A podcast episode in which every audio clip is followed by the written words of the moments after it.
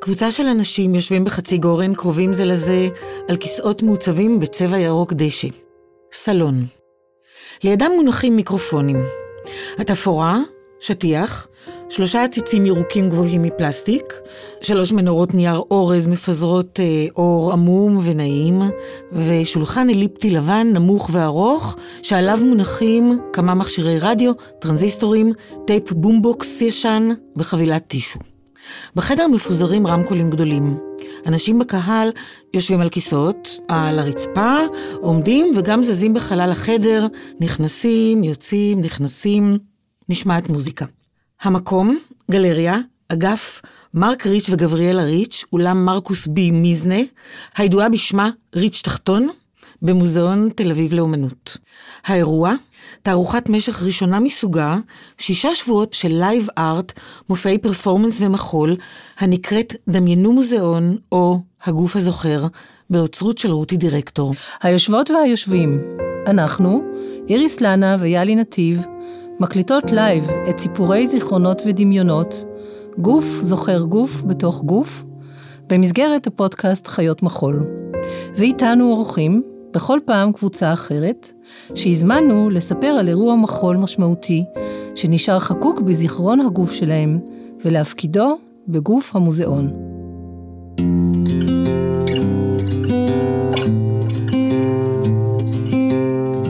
בינואר-פברואר 2023 העברנו את זירת הפעילות שלנו למוזיאון תל אביב לחודש וחצי להופיע עם הפודקאסט. אנחנו כבר כמה חודשים מפתחות ערוץ חדש של הפודקאסט כפרפורמנס. אנחנו חושבות עליו ככוריאוגרפיה ויוצרות מופע, מקליטות live בנוכחות קהל ומשתמשות באמצעים אומנותיים, מוזיקה, תאורה, תפאורה ואביזרי במה. ואנחנו קוראות לזה מיצג, מיצב אודיופוני מותאם למקום, או אם תרצו באנגלית, Performative Site Specific Sound Installation. אנחנו אוהבות לחשוב על המהלך הזה גם דרך המושג העכשווי, קוריאוגרפיה כפרקטיקה מורחבת, משום שהוא מרחיב גם את הפעולה הסטנדרטית של פודקאסט, ראיונות ושיחות עם אנשים באולפן, בסטודיו או בבית, ומותח את מושג הקוריאוגרפיה ואת הציפייה לתנועות ולמבנה מחול מסוגננים ומקודדים.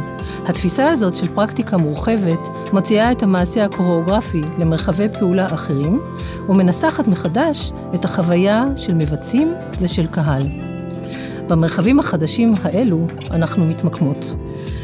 בסיפורי זיכרונות ודמיונות במוזיאון אנחנו מאזינות לסיפוריהם של 65 אנשים מעולמות המחול, התנועה והאומנות, שמתארים את הזכור בגופם כצופים, יוצרים או משתתפים. הסיפורים מסרטטים מפה מרובדת, אקלקטית של היסטוריות, שמסמנת את הזיקות ביניהם, אנקדוטות, מקומות, מושגים, אירועים, אנשים, בארץ ובעולם. בפרק זה מוזכרים Sounds Like Yourself של מיכאל גטמן ללהקת פרסקו משנת 2016. עבודה אחרונה של אוהד נהרין ללהקת בת שבע משנת 2015. נעמי פרלוב. תיאטרון חיפה. קומפוזיציה. סטודיו א' וסטודיו ב' בביקורי העיתים. ביקורי העיתים מתמוטט. ציפורים ארוכות צוואר של נועה אשכול משנות ה-70 המוקדמות. סטודיו זהבה. מרכז סוזן דלל. המסלול להכשרת רקדנים. צורת העצמות. ויליאם שייקספיר. עירוני א', מגמת מחול. עשרת אלפים ג'סטות של בוריס שרמץ משנת 2017 במופע בשדה התעופה לשעבר טמפלהוף בברלין. מגמת המחול בתלמה ילין. רות זיוויאל. תרצה ספיר. עומר שזף. דומיניק סנטיה. הנרי מילר ואנאיס נן. חוליות הגב. נקודות בזמן. יעל ונציה. אופיר דגן. המורה ולי. אריאל גלברט. מורן מילר. מור בשן. זמן קורונה. רותי דירקטור. ברית רודמונד. רצפה אדומה. רצפה כחולה. סטודיו רחב ידיים. חלונות. רצפה בהירה. רצפה שחורה. דנה שיבולת, מורה לכתב תנועה.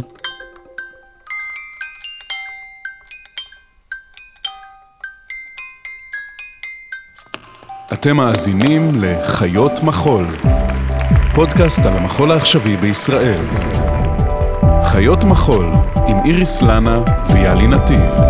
הפרק הוקלט live במוזיאון תל אביב לאומנות ביום שישי, ה-20 בינואר 2023, בשעה אחת. שלום לנמצאים איתנו, טליה פז, יאיר ורדי, מאי זרחי, טליה הופמן ואביטל ברק.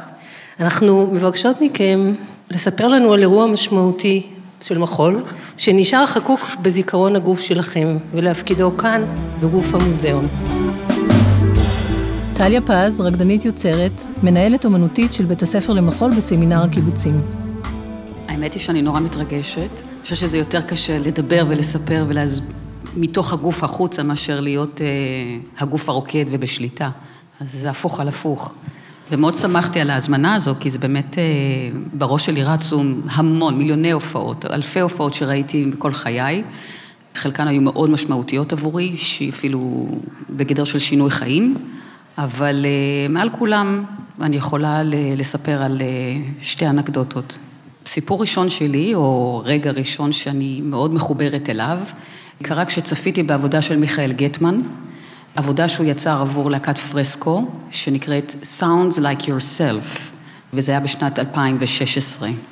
אני אספר מעט על העבודה, ואני אנסה להעביר את התחושה שעברה בי, אבל הדבר הגדול הוא זה שמצאתי את עצמי בתום המופע פשוט פורצת בבכי, בוכה, הדמעות זלגו מעצמן ללא שליטה.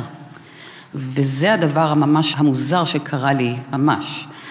Sounds like yourself, סוזן דלל, ערב, להקת פרסקו, נכנסת לאולם, אומרים שלום, היי, היי, היי, היי, כולם אנחנו באיזה, כולם מכירים את כולם, ואנחנו לא, לא, אנחנו באים באיזה state of mind אחר לגמרי, ולוקח זמן רגע להשקיט את החוץ ולהתרכז במה שאנחנו צופים. וגם כצופים אנחנו מאוד אקטיביים, למרות שאני אני באה ויושבת וצופה, אבל בו בזמן יש לנו אינפורמציה הלוך חזור, והאמת היא שאנחנו מאוד מאוד אקטיביים גם בצפייה. הבמה הייתה נפלאה. עומר שיזף, אני יודעת שהוא עשה את התאורה בצבעים של סגלגל, עפרפר, עדין, היה בזה תחושה מאוד מיסטית, ערפילית. המסך האחורי היה לבן ולכן נתן גובה, הרבה אוויר מעל, הרקדנים נראו לי קטנים ממש, אבל הייתה תחושה של היכל הרבה יותר גבוה. בקדמת הבמה בצד ימין היה כיסא עם רקדן, ובצד השני היה עוד כיסא ריק, שהושיבו צופה אחד מתוך הקהל, העלו אותו לבמה שישב. הרקדן היושב במשך כל המופע דיבר וסיפר על חליפת מכתבים בין אה, הנרי מילר לאנאיס נין וטקסטים של אה, וויליאם שייקספיר שכתב למאהב שלו, האהבה שלא מומשה, גם טקסטים של מיכאל גטמן עצמו. טקסטים שמדברים על אהבה ועל אה, חוסר מימוש ומימוש, געגוע, כעס, זעם, היו שם את כל קשת הרגשות. שצף הדיבור של אותו רקדן, שאני לצערי לא זוכרת את שמו, אבל הוא היה נפלא, הוא היה טוטאלי, והוא לא הפסיק לדבר 60 דקות. בהתחלה אני הייתי מאוד קשובה וניסיתי להבין את המלל, אבל לאט לאט שחררתי את זה, כי זה לא ממש היה משנה. התחושה שעברה מתוך המלל הזה והפרגמנטים של המילים שהצלחתי לתפוס, פשוט צבעו ונתנו לכל העבודה הזאתי משהו מאוד סוחף, רגשי, והמלל נהפך לפסקול בעצם של העבודה. אז זה אמנם היה איזשהו פסקול, אני לא כל כך זוכרת אותו, אבל המלל נהפך למשהו שכל הזמן הניע את מהלך העבודה. והייתה תחושה של איזושהי מערבולת, כל הזמן סוחפת וסוחפת, ואני נסחפת ואני נסחפת, וזה שוב, זה ללא שליטה, אני אפילו לא שמתי לב שזה קורה לי, אבל אני פשוט נכנסתי לתוך הדבר. ובחמש דקות האחרונות של היצירה, מיכאל שם את uh, קטע מתוך, קטע של מאלר. אני חושבת שהשילוב של המאלר והטקסט שמדבר על כמיהה ועל אהבה ועל געגוע ועל אה, אובדן ועל אה, מצב נפשי מטלטל. וכל הדברים האלה ביחד פתאום עשו כאילו כמו מפתח, כזה קליק. ואני, הדמעות פשוט התחילו לזרום. וכשאני חושבת על הרגע הזה אני אומרת גם היום אם אני שמה את עצמי במקום הזה אני יכולה עדיין לבכות, כיוון שאני חושבת שמיכאל הצליח לגעת, או הרגע הזה הצליח לגעת באיזושהי אמת אוניברסלית, גדול מהחיים, אהבה, לא אהבה רומנטית, אלא אהבה אוניברסלית.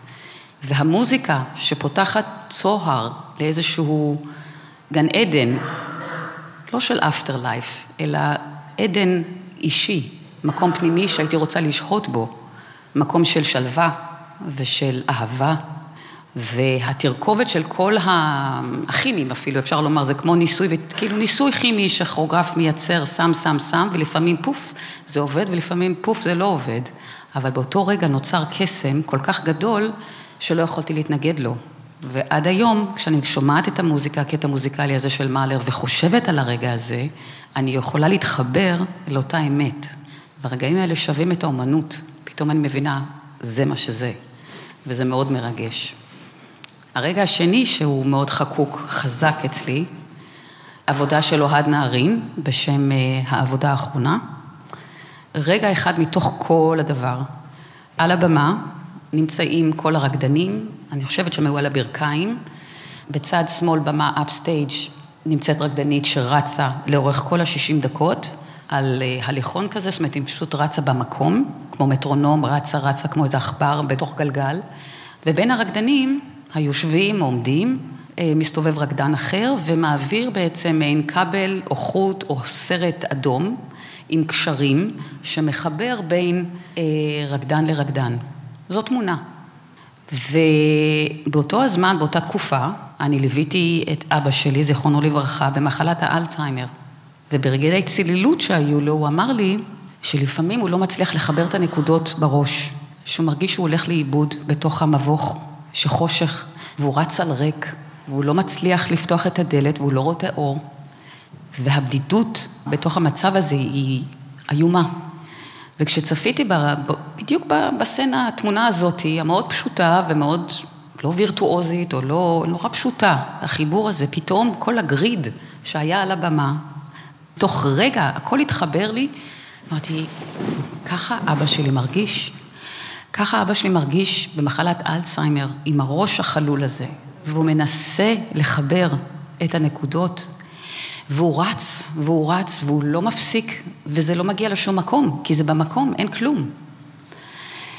באותו רגע הוא פשוט, זהו, אני בוכה, בוכה, בוכה, בוכה, כי השילוב של השניים, של מצבו של אבי, והסיטואציה הזאת על הבמה, המחישה את זה כל כך חזק, והבדידות הייתה קורעת לב.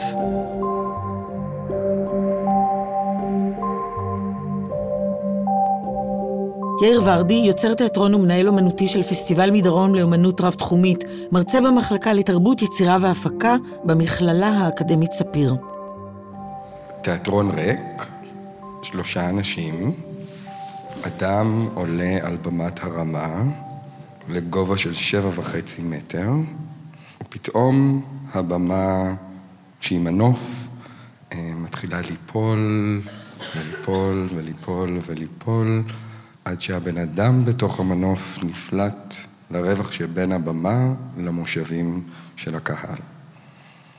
אני עולה לכוון פנס על במת הרמה בהקמה בתיאטרון חיפה.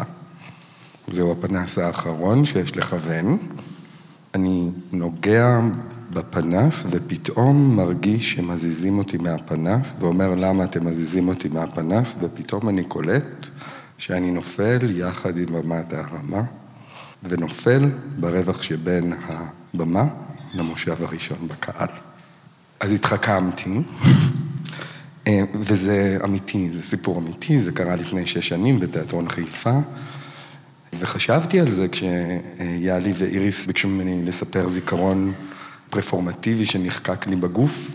חשבתי על, על האירוע הזה כי הוא היה כמעט מיתי, כן? כאילו הייתי על מנוף, המנוף קרס, אני איתו. אה, נשארתי בחיים, אני אפילו עוד הולך, נשברה לי חוליה, הייתי בשיקום של כמעט שנה, אבל אני זוכר, עכשיו לקח לי כמה שנים טובות רגע להצליח לספר את הסיפור ככה ולזכור אותו, הרבה טיפולי פוסט-טראומה וכדומה וכדומה, אבל חשבתי, בשנה הזו ששכבתי על הגב והתאחיתי, פתאום התחלתי, אתם מכירים את המשחק הזה של הנחש שמזיזים ביד? ורואים את כל החוליות שלו, ככה זכרתי את הגב שלי. כלומר, ככה הרגשתי את הגב שלי, את החוליות שלי, ופתאום הבנתי אה, שמתוך הפציעה, הגוף שלי מצליח לזכור את צורת העצמות שלו בלי שמעולם לא ראיתי אותן. ויש משהו באירועים הפרפורמטיביים של מחול שהרבה מאוד פעמים, אני חושב, מזכיר לנו את החוויה הזו, את החוויה שאנחנו כאילו מצליחים לדמיין את הגוף שלנו בצורה שאף פעם לא ראינו אותו.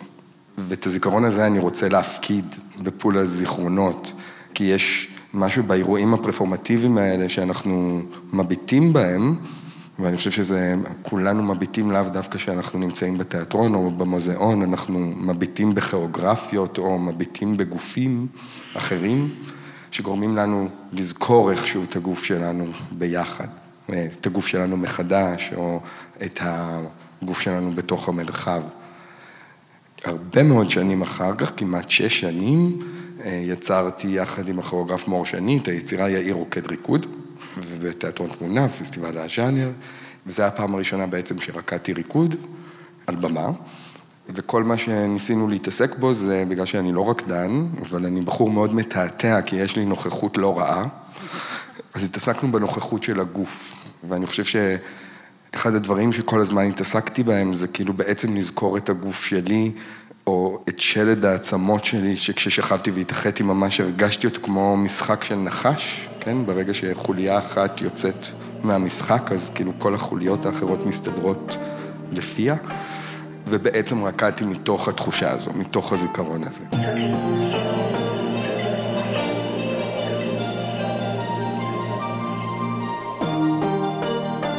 מאי זרחי, קוריאוגרפית, מנהלת התוכנית לקוריאוגרפיה במרכז כלים.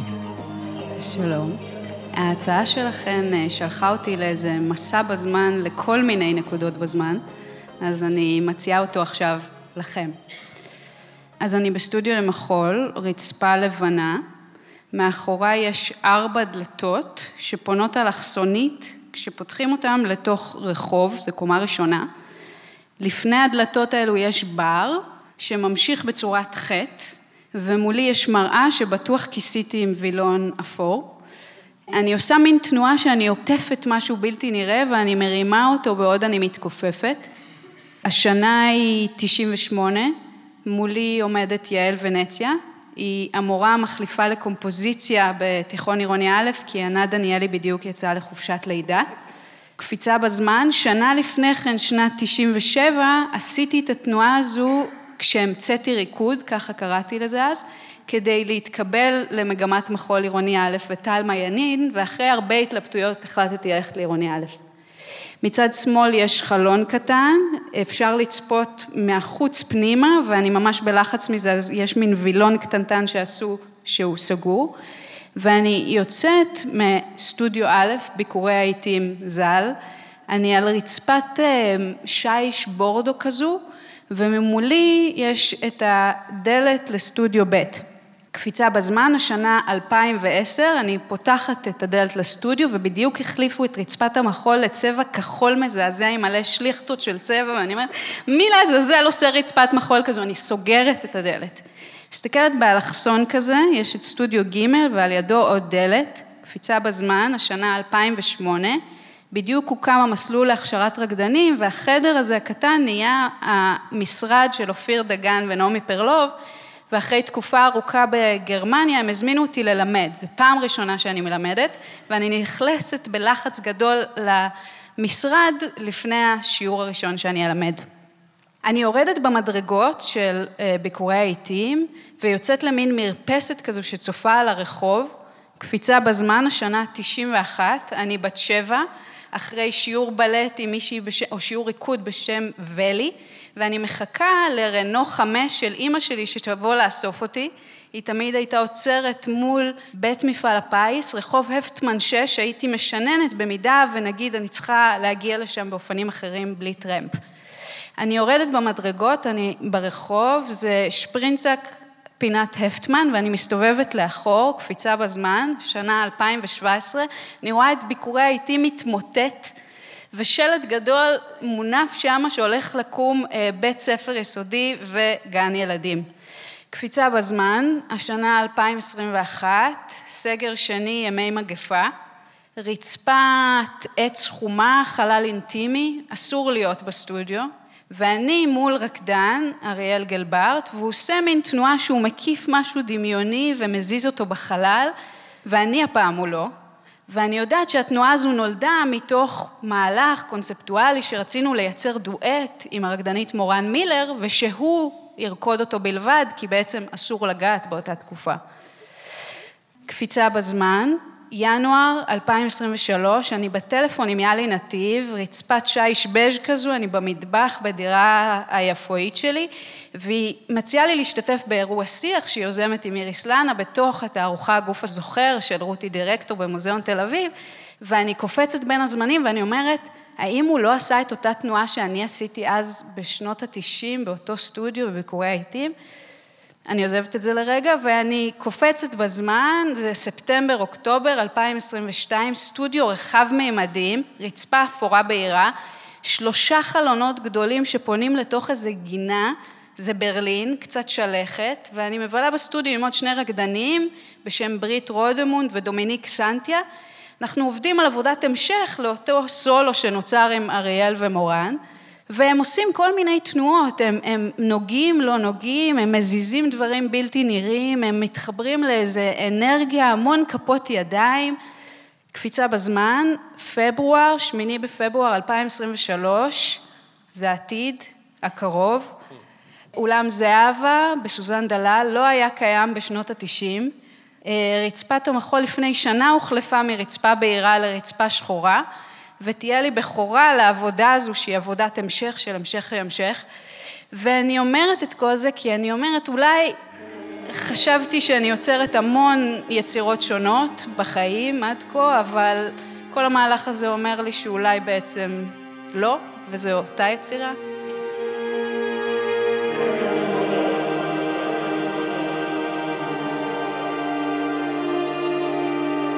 דוקטור טליה הופמן, אומנית המתעסקת באומנות וידאו, פרפורמנס, מחקר אומנות והוראה. שלום, ותודה, איזה כיף אה, להקשיב בדרך אליי. זה היום, לפני אה, חמש שנים ושבעה חודשים, בעוד אה, שעה וחצי בערך, הבן הבכור שלי מת. ומאז החיים לאורך תקופה מאוד מאוד ארוכה חלפו לידי, חודשים, חודשים על גבי חודשים החיים חלפו לידי. ובאחד מהרגעים האלה הייתי אה, בברלין, אה, היה קר, לא קר כמו שאולי עכשיו בברלין, אה, אבל היה קר, תחילת החורף כזה, וראיתי שיש איזה מופע מחול בשדה תעופה, איך קוראים לשדה תעופה שם? בטמפלהוף, האנגר מספר חמש בטמפלהוף. במופע מחול שהוא לא, מה שסקרן אותי בו זה שהוא לא הופעה שאני קונה אליה כרטיס ואני נכנסת ויוצאת בשעה הקצובה, אלא היה כתוב שאפשר פשוט להגיע ולהיות שם. אז הגעתי כזה אחר הצהריים ונכנסתי להאנגר, תדמיות החלל הזה רק פי ארבע, יותר גדול, באורך שלו וברוחב שלו, וקר בפנים וקר בחוץ, אבל יש טריבונה כזאת גדולה מעץ, נורא יפה שבנו, וחלל אה, גדול, פתוח, שבו מלא מלא רקדנים וכל מיני קהל אה, בא ובאותו רגע עשו תרגילים, כאילו מין אה, הרקדנים הובילו קבוצות קטנות של אנשים ועשו איתם מעין תרגילי חימום כאלה. לא הייתי חייבת להשתתף, לא שאם היו מבקשים ממני באותו רגע להשתתף, הייתי עושה מה שאומרים לי, אבל לשמחתי גם לא ביקשו ממני להשתתף, אלא פשוט יכולתי לשבת על הטריבונות ולשהות ולבהות. אה, וככה ביליתי כמה שעות עם הרקדנים האלה, זה היה אה, מופע אה, משך, נקרא לו, של בוריס שרמנץ, בטח לא אומרת את שמו נכון, עשרת אלפים ג'סטות, עשרת אלפים ג'סטות, ושנראה לי שזה הופיע כמה חודשים אחרי זה גם בישראל, אבל באותו יום זה היה מין יום כזה שהוביל לתוך המופע, יחד איתו ועם הרקדנים, אחר כך... הוא הוביל, אני המשכתי לשבת ולבהות בטריבונות, מדי כמה קם והתהלכתי בחלל הזה, אבל אה, אחר כך הוא העביר איזושהי סדנה, אחרי זה היה פיקניק, והיה אפשר לשבת ולהשתרע, ולאט לאט השמש ירדה, ואחרי שהיא ירדה, הזמינו את האנשים לשבת על הטריבונות, נכבו כל האורות, ולאט לאט השמש התחילה לזרוח מהחלונות מצד אה, ימין במה. אה, זאת לא הייתה השמש כמובן, זו הייתה תאורה, אבל היא אה, לאט לאט זרחה. ואני חושבת שהתחיל אחד המופעים הכי, שהכי זכורים לי לחיי, לא יודעת אם הוא היה המופע הכי טוב שראיתי, אבל הוא היה בטוח המופע הכי זכור לי, כי 24 רקדנים התחילו לעשות את כל מה שחלף לידי פשוט אל מול עיניי, באיזה מין תחושה כזו שזה לא באמת משהו שאני יכולה לשאת. או להכיר, או לגעת, אבל בגלל שמראש אני ויתרתי באותם רגעים, מבחינתי הם יכלו לעשות את זה עד אינסוף, להתכווץ ולעשות את זה לבד, לעשות את זה ביחד ולעלות עלינו, לעלות על במה ולרדת, והכל... אה, למרות שאני מתקשה להיזכר בפרטים בתוך המופע הזה, ואני חושבת שיש משהו בעבודה הזו של, בהצעה הבלתי אפשרית שלו, של לייצר עשרת אלפים ג'סטות במופע אחת שלעולם לא חוזרות אחת על השנייה, שהייתה אה, מדויקת לאופן שבו חוויתי את החיים באותו רגע. את הדבר הבלתי אפשרי של לחיות. אביטל ברק, חוקרת תנועה ופרפורמנס, עוצרת במרכז לאומנות דיגיטלית ומרצה בבית הספר למחול בסמינר הקיבוצים. וואו. ככה, תוך כדי שדיברתם, את הזיכרונות הכל כך יפים שלכם, שלכן, שאלתי את עצמי איך אני אתחיל את, ה... את הסיפור שלא קיים בעצם, את הזיכרון שהפך להיות סוג של אה, מסע בלשי, אני יודעת. אז אה, כשדיברתי עם איריס לקראת אה, המפגש הזה, אה, מסיבה לא ברורה, הזיכרון הראשון שעלה לי, מתוך אין סוף מופעים שראיתי, עבודה עם הגוף שלי, כל מיני רגעים מאוד מאוד גופניים שהייתי יכולה להביא, אבל עלה לי איזה זיכרון מאמצע שנות התשעים. זה הדבר הראשון שחשבתי עליו. אמצע שנות התשעים, אני בתיכון, ככל הנראה בי"א, נגיד שנת 94. אני בי"א כי עוד לא נהגתי, אני הולכת עם חברות להופעת מחול, אימא של אחת מהן לוקחת אותנו, משאירה אותנו, מורידה אותנו ליד סוזן דלל. אני לובשת uh, מין שריג כתום, אני תמיד זוכרת מה אני לובשת, זה כאילו, זה הזיכרון שלי, הזיה. ואנחנו נכנסות למופע, בזיכרון שלי זה רוצי ויאל, אבל למופע קוראים ציפורים ארוכות כנף, וגופים זזים באיזה תנועה כזאת, שכמובן, אם הייתי עוד שנייה חושבת, אז זה היה כתב תנועה. וזה הזיכרון, אני מספרת את זה לאיריס בטלפון, והיא תוך כדי אומרת לי, תשמעי, אני אה, פה באתר של רות זיו אין. אין לה עבודה שקוראים לה ציפורים אה, ארוכות כנף. יש עבודה של אה, ציפורים ארוכות צוואר, של נועה אשכול. אבל אה, אני אומרת, אה, מגניב, ראיתי, ראיתי עבודה של נועה אשכול, זכיתי לראות עבודה של נועה אשכול. אמרתי לי, אבל תשמעי, נועה אשכול לא הופיע אף פעם בסוזן דלל. כזה, אוקיי. אמ, ואנחנו כזה מסכמות שאני אספר את הסיפור הזה, ש... הולך ומתפרק לי בין הידיים ככל שעובר הזמן. אמ, ו- ואני מתחילה לחפש, אני מתחילה לעשות כזה גוגל, אה, שנייה, בואו ננסה להבין. לא מוצאת שום דבר, כמובן, אבל איכשהו עדיין מחזיקה את זה שנועה אשכול, סוזן דלל, שנת 94, זה הזיכרון. לפני אה, כמה ימים אני פוגשת את מור בשן, מי שמחזיקה את הארכיון של נועה אשכול ומובילה את הקבוצה. אני מספרת לה את הסיפור הזה, והיא אה, אומרת לי, תשמעי, נועה אשכול, הפעם האחרונה שהקבוצה הופיעה עם נועה אשכול היה שנת 93. אני עושה מהר חישוב בראש, זה לא יכול להיות. בחיים היא לא הופיעה בסוזן דלל, כאמור. אולי זאת תרצה ספיר. אני אומרת לה, אוקיי, אולי זאת תרצה ספיר. אה, הגיוני, זה כאילו, יש לי ממש זיכרון חד של רקדניות שזזות, ו... איזה, איזה מין אה, תנועה כזאת, היא רפטטיבית, ציפורים ארוכות כנף, ציפורים ארוכות כנף, ציפורים ארוכות צוואר כמובן. אמ, אני כותבת לחברות שלי שאיתן הלכתי כביכול להופעה, הן שתיהן היו במחול, אני בכלל הייתי בתיאטרון. זכרתי שהן למדו כתב תנועה עם שיבולת. אמ, הן לא זוכרות שום דבר. הן אומרות לי, לא, אבל בסדר, את, את מחזיקה את הזיכרון של כולנו גם ככה, אנחנו גם ככה לא זוכרות שום דבר, את כנראה צודקת.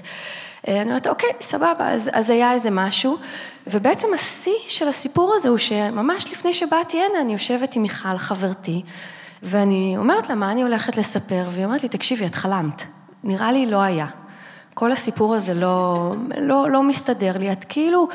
הבת של רות זיוויה לימדה אותנו במגמה, ושיבולת לימדה אותנו את, הסיפ... את הריקוד אה, ציפורים ארוכות צוואר, והיא מתחילה לעשות לי את הריקוד. היא מתחילה כאילו להזיז את הידיים ולספור את הספירות, היא, היא זוכרת את זה. עכשיו, מיכל ואני כמו אחיות.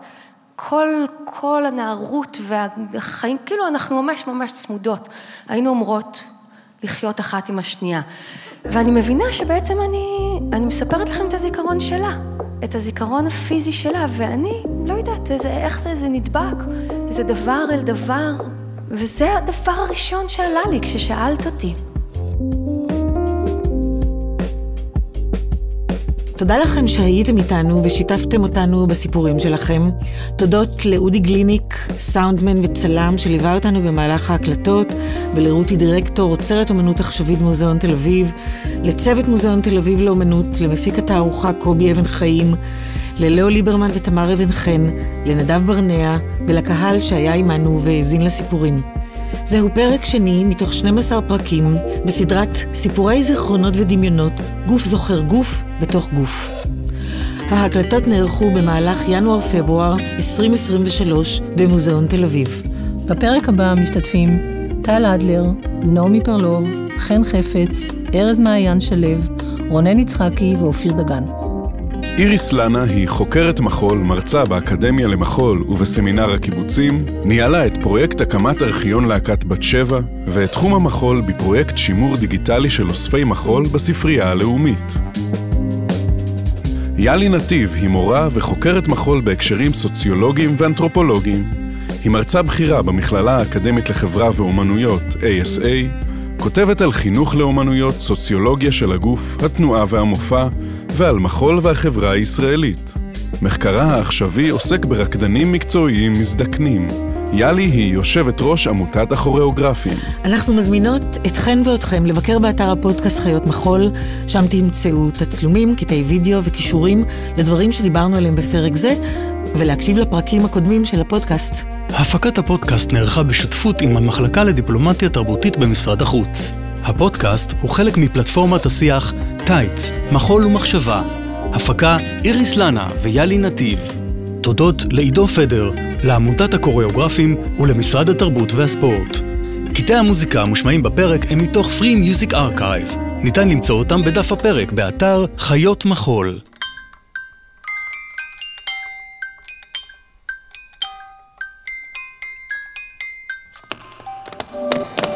האזנתם לחיות מחול עם איריס לנה ויאלי נתיב.